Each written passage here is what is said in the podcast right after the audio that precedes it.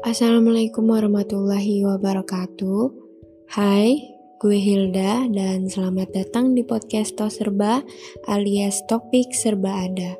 Dan gue bakal ngebahas beragam topik tentang kehidupan yang menyebalkan atau kejadian seru yang pernah terjadi di kehidupan kita. Dan jangan lupa klik follow supaya kalian gak ketinggalan episode berikutnya.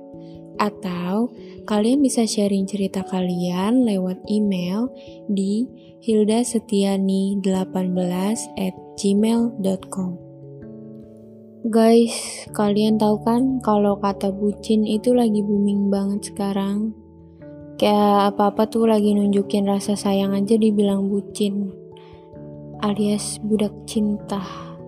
Tapi sebenarnya emang dari dulu dia emang memperlakukan pasangannya kayak gitu.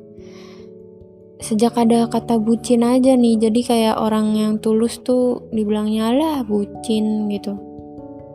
Kasihan ya. Jadi kayak tulusnya nggak berarti gitu malah dibilang bucin.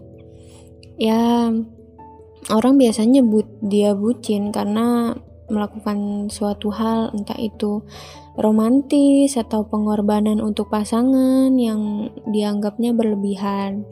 Tapi kalau menurut gue ya, bucin bagi gue itu kayak kita apa aja mau disuruh gitu.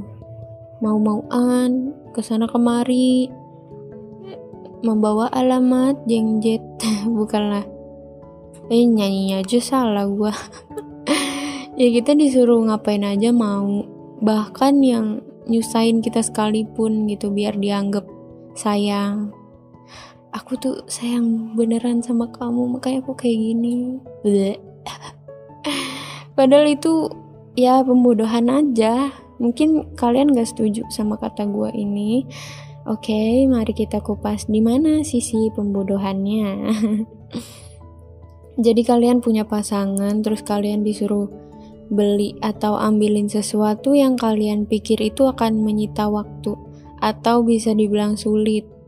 Tapi karena kalian sayang banget banget sama dia, kalian lakuin. Setelah kalian lakuin, pasangan kalian ya B aja, reaksinya biasa aja. Just say thank you and goodbye. Kasihan deh hal yang barusan kalian lakuin itu nggak dihargain sama pasangan kalian. Apa kali kalian di jalan sempat jatuh, keujanan, atau kena macet? Boro-boro ditanya, kamu capek nggak sayang? Mau minum? Kamu basah bajunya, ini aku bawain anduk. Kamu lama tadi macet ya? Kasihan capek, maaf ya, sini-sini aku pijitin. Ada nggak tuh doi lu ngomong kayak gitu?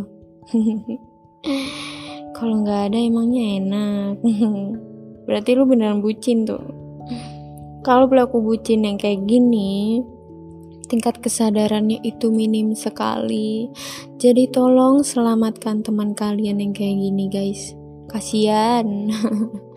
Pasti nggak mau lepas dari pasangannya kayak udah sayang banget menjurus ke blow on. Ya bukan menjurus lagi ya emang udah blow on. Kasus bucin kayak gini bener-bener ngerugiin diri kita. Nggak ada manfaatnya buat kita tapi pasangan kalian yang enak.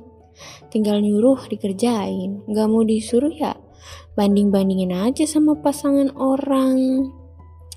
Ah dia aja bisa nurut sama pacarnya masa kamu enggak? Ih.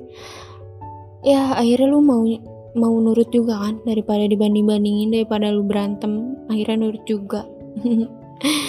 Bucin bucin. Tapi semua ini cuma opini gue aja ya balik lagi. Gue nggak mau bikin hubungan orang berantakan.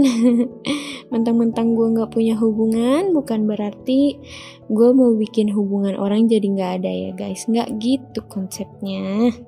Tenang aja.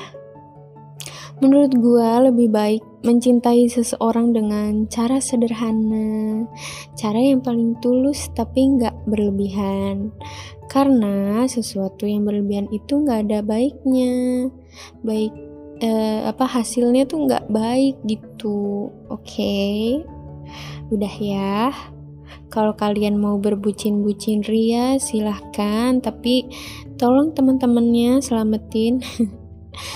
Karena itu akan merugikan dirinya dan kalau dia galau, dia bakal nyari kalian. Oke, okay? paham kan? See.